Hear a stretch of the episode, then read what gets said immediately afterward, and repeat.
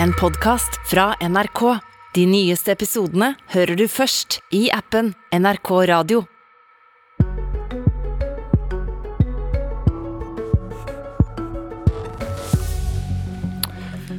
Hvor skal vi finne mer penger til forsvar og beredskap i årene som kommer? Vi kan øke skattene.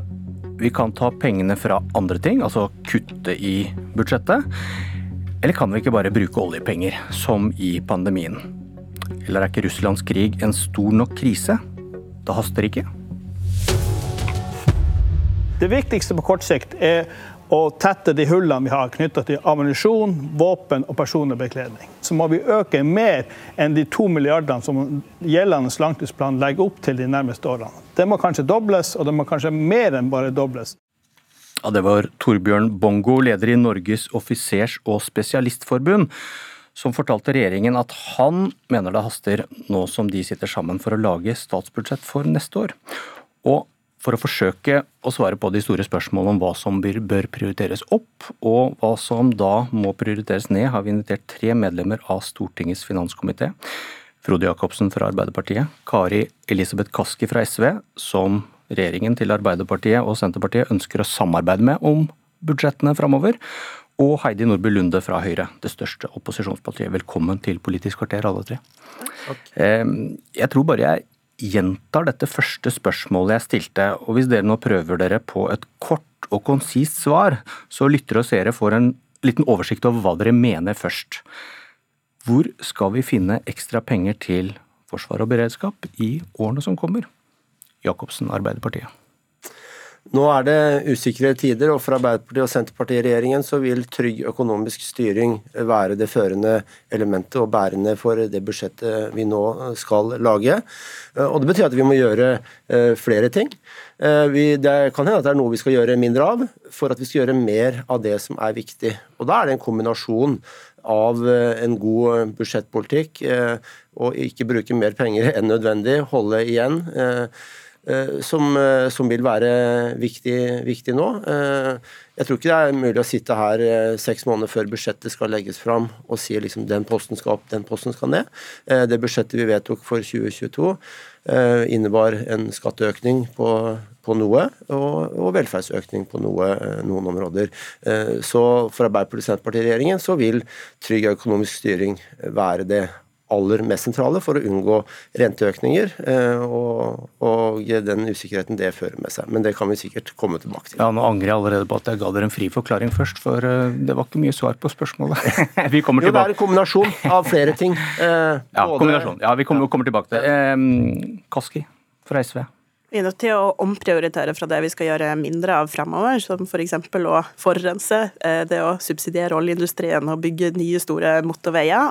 Og så må vi også øke, være villige til å øke skattene for landets rikeste, de med de store formuene og de høyeste inntektene. Fordi vi har mange uløste oppgaver i samfunnet. Investeringer i Forsvaret er én ting, men vi må også styrke velferdsordningene, trygge folk sin økonomi og klare å nå klimamålene. Så vi har mange viktige oppgaver, og vi må prioritere de som er viktigst. Nordby Lunde, Høyre. Vel, I motsetning til dagens regjering, som gikk til valg på å øke statsbudsjettene og bruke mer penger, og også øke skatter og avgifter, så gjennomførte jo Høyre i regjering flere reformer nettopp for å øke handlingsrommet på statsbudsjettet. Enten det var konkurranseutsetting av jernbanen, ABE-reformen, digitalisering og effektivisering. Alle ting som nåværende regjering og SV har, har vært mot.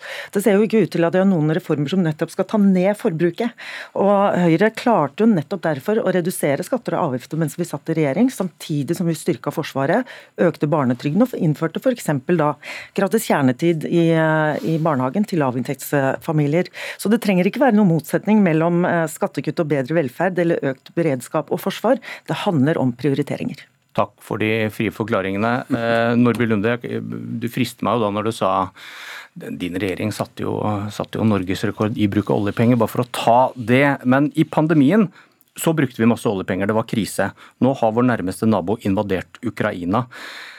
Er ikke det også en krise som det er god grunn til å bruke ekstra med oljepenger for å ruste opp Forsvaret raskt? Det er ikke nødvendigvis øh, øh, å bruke ekstra med oljepenger. Nå ser vi jo nå at vi har hatt et fall i verdien av oljefondet, så selv om vi har rekordhøye oljepriser, skal vi huske på, på det også.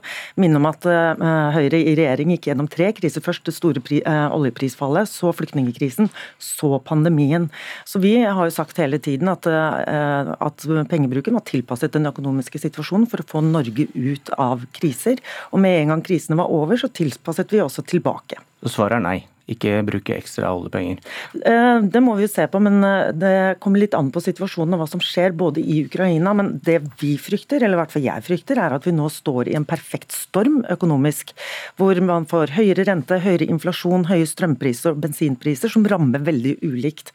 Og men, det å da, da dere... ha handlingsrom nok til å kunne finne målretta pakker for å bidra til at norsk økonomi eh, vokser, at det ikke går utover konkurransekraften til Norge eller norske arbeidsplasser arbeidsplasser vil være viktig for oss. Men nå har vi da behov for mer penger til forsvar, kanskje, som dere vil. Det der stram, varslet stramme budsjetter. og Da dere satt i regjering, så vurderte dere å betale for f.eks. en ny fregatt og et nytt regjeringskvartal med oljepenger utenfor budsjettet, uten å prioritere. Hvorfor gjorde dere det? Det var avpasset til den situasjonen vi da var i. Men jeg har lyst til å si at det, det mangler altså ikke på innsparingsforslag i, eh, i Norge. Vi har Nei, men, mange noder. Dere var frista til å ta hånda ned i oljepengekrukka den gang uten å prioritere. Og nå må man vel si at vi er i en mer vanskelig situasjon enn da dere var frista til å ta disse oljepengene. Men som du sier, frista, og det var en diskusjon, men gjorde ikke. Nei. Og fristelsen kan ikke komme tilbake, kanskje.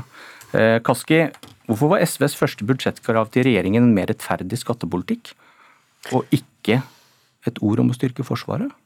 Det vi har vært eh, ute på nå, handler jo, og det mener jeg er faktisk det aller viktigste akkurat nå, å trygge folk sin økonomi. Nå merker vi at vi er inne i dyrtid, eh, hvor eh, ikke bare er strømprisen veldig høy, men nå ser vi også drivstoffpriser som, som, er høyere. Så varierer det også. Nå har oljeprisen falt, så vi må se utviklinga på det. Og stadig høyere matvarepriser. Og eh, Det som er vårt budskap til regjeringa, at det er all grunn til å tro at det her kommer til å bli langvarig. Og vi ser allerede at mange med lave og vanlige inntekter sliter økonomisk økonomisk etter pandemien. Når du får det her på toppen av det hele, så er det kjempeviktig at vi nå styrker folk sin økonomi. At folk har trygghet i at de skal klare å betale regningene sine, sånn at eh, vi kan unngå at forskjellene øker, og at vi får langvarig fattigdomsvekst som en følge av både pandemien og de prisøkningene som vi ser nå. Men til del to av spørsmålet, da. SV vil jo at Norge skal klare seg uten Nato i fremtiden. Hva må SV gjøre da med det norske forsvaret? Det vi har vært opptatt av de, de, siste årene, og egentlig over lang lang tid, det er å styrke investeringene i landmakta eh, til Norge. Det å sørge for at vi har eh, mer oppdatert utstyr i Hæren, i Sjøforsvaret, i stedet for å bruke de store summene både på, på altfor dyre kampfly eller, eller, svære våpensystemer. Og vi er ikke imot å investere i Forsvaret, vi har ligget på det samme nivået som Solberg-regjeringa har gjort, tidvis litt bør over. Dere, bør ikke dere ligge mye over? Dere skal klare dere uten Nato? Men vi skal klare oss i en forsvarsallianse. Norge og SV har aldri vært for en ensidig utmeldelse av Nato. Det har vært forutsatt at man da har en nordisk forsvarsallianse, som vi hørte tidligere på Nyhetsmorgen Men regjeringen, har, regjeringen derfor, har et mål om 2% av brutto nasjonalprodukt i, i forsvarsutgifter. Hva må SV ligge på ja, når vi skal være uten Nato-hjelp? Den forrige regjeringa har jo prioritert å bruke store deler av de summene på å ruste Norge for angripskrig i andre land, framfor å bygge opp og ruste opp vårt eget forsvar.